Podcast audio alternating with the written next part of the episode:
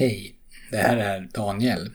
Snart kommer Patrik, men jag tänkte bara passa på att tipsa om vår nya kurs som heter Vanor som sätter sig. I den så får du lära dig allt du behöver veta för att kunna skapa de vanor du vill ha och göra dig av med de vanor du inte vill ha. Det här är ju inte något som går av sig självt, utan jobbet behöver göras av dig.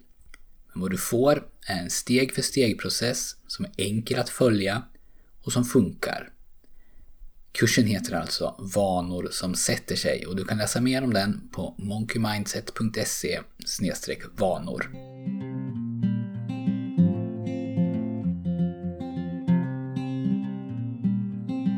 Välkommen till Monkey Mindset. Jag heter Patrik Edblad och jag är beteendevetare och mental tränare. Idag ska jag berätta om hur du kan forma goda vanor även om du känner att du saknar viljestyrka. Och för att göra det skulle jag vilja börja med att ställa dig en fråga. Vad skulle du säga mest påverkar ditt beslut när du röstar i politiska val? Är det dina värderingar som avgör? Dina politiska övertygelser? Eller kanske ett partis ståndpunkter i vissa viktiga frågor? De här faktorerna påverkar såklart ditt beslut, men forskare vid Stanford University i USA har funnit att rationellt tänkande inte är det enda som kommer att avgöra var du lägger din röst. En betydligt mer oväntad och subtil faktor spelar också in, nämligen den plats du befinner dig på när du röstar. Det här kan vara lite svårt att ta in, att vallokalen du råkar rösta i kan ha en effekt på hur du röstar. Och ändå är det precis det som de här forskarna har kunnat se i sina studier. Faktum är att inflytandet från vallokalen är så stort att det i slutändan kan fälla avgörandet i ett jämnt val. Så hur är det här möjligt? Enligt forskarna beror det här på att triggers i vår omgivning, som platser och saker, har ett starkt inflytande på vårt beteende. Allt som oftast mycket större än vad vi är medvetna om. Om du till exempel röstar i en skola så kan det aktivera den del av din identitet som bryr sig om barn och ungdomar. Det kan i sin tur leda till att du röstar på ett parti som fokuserar på skola och utbildning, trots att du från början kanske lutat åt ett annat parti. Och det här är bara ett exempel på hur vårt beteende påverkas av vår omgivning. Ett annat kommer från ett intressant experiment som utfördes av forskaren Brian Wansink från Cornell University i USA. Han gav biobesökare gratis popcorn som antingen var helt färska eller två veckor gamla. En grupp fick en mellanstor popcornhink och den andra fick en liten. När filmen var slut samlade man in popcornhinkarna och deltagarna fick bedöma hur goda popcornen var. I resultatet kunde man sen se att de personer som fått färska popcorn åt 45% mer när de fått den större hinken. Och vad som var ännu mer intressant var att folk åt 34% mer från den större hinken även om man inte gillade sina popcorn.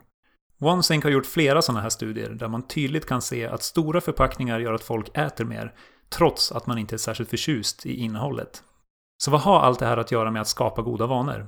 Väldigt mycket faktiskt. Enligt beteendeexperten BJ Fogg från Stanford University så finns det nämligen bara ett sätt att radikalt förändra sitt beteende och det är att radikalt förändra sin omgivning. Och det här kan man göra genom vad han kallar för att designa för lathet. BJ Fogg ville själv vid ett tillfälle dra ner på den mängd popcorn han åt varje vecka. Så han tog sina popcornpåsar, klättrade upp för stegen i sitt garage och la dem på högsta hyllan. Om han verkligen ville ha sina popcorn så fanns alltid möjligheten att gå till garaget, hämta stegen och klättra upp och hämta dem. Men de var långt ifrån lika lättillgängliga som de varit innan. Genom att designa sin omgivning för lathet på det här sättet så gjorde Fogg det betydligt enklare att undvika sina popcorn och välja hälsosammare beteenden i vardagen. Och det kan du också göra. Genom att på förhand designa din omgivning så att den stöttar de beteenden du vill ha så kommer du att behöva mycket mindre viljestyrka i stunden. Så hur går det då tillväga för att börja designa din omgivning? Här finns det en väldigt användbar metafor i vad som kallas för aktiveringsenergi. Inom kemi är det här den mängd energi som behöver tillföras för att en viss process eller kemisk reaktion ska äga rum. Och enligt psykologiprofessorn Mihai Csikszentmihalyi kan vi se på våra beteenden på samma sätt. För att en viss vana ska äga rum så behöver den en viss mängd aktiveringsenergi för att starta. Ju svårare vanan är, desto mer aktiveringsenergi behövs och desto mindre sannolik kommer du vara att göra den. Om dina popcorn ligger på översta hyllan i garaget behövs en hel del aktiveringsenergi för att äta dem. Men om de ligger i ett köksskåp intill ugnen behövs knappt någon aktiveringsenergi alls. Så för att förändra dina vanor behöver du göra två saker. För det första behöver du sänka aktiveringsenergin för dina önskade beteenden så mycket som möjligt. Gör dem med andra ord så enkla du bara kan. Och för det andra behöver du höja aktiveringsenergin för dina oönskade beteenden så mycket du kan. Det vill säga göra dem så svåra som möjligt. På det här sättet kan du organisera din omgivning så att den hela tiden knuffar dig i den riktning du vill gå.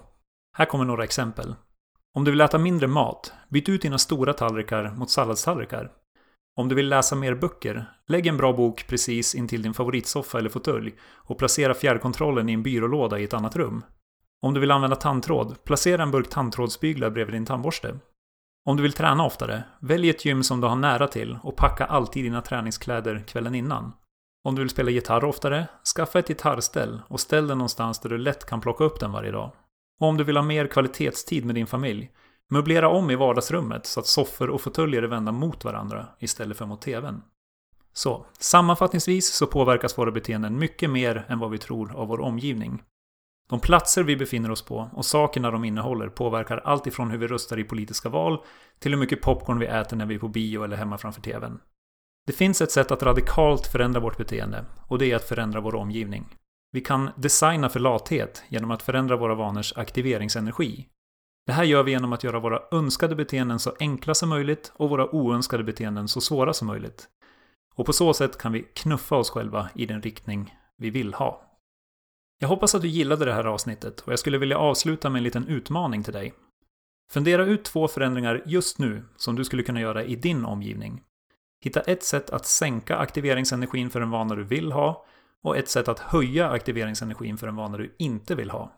Se sedan till att skapa de här förändringarna så fort som möjligt, gärna redan idag. Du kommer troligtvis bli förvånad över hur snabbt de här små justeringarna gör stor skillnad i dina vanor. Det var allt för den här gången. Tack så mycket för att du lyssnat. Om du vill ha hjälp av mig och Daniel när du arbetar med dina vanor så får du jättegärna kolla in vår webbkurs Vanor som sätter sig. Där får du omedelbar tillgång till instruktionsvideos, arbetsböcker, en privat Facebookgrupp och flera bonusar som gör det både enklare och roligare att implementera de här idéerna i ditt liv. Du kan läsa mer om kursen på monkeymindset.se vanor. Vi hörs snart igen.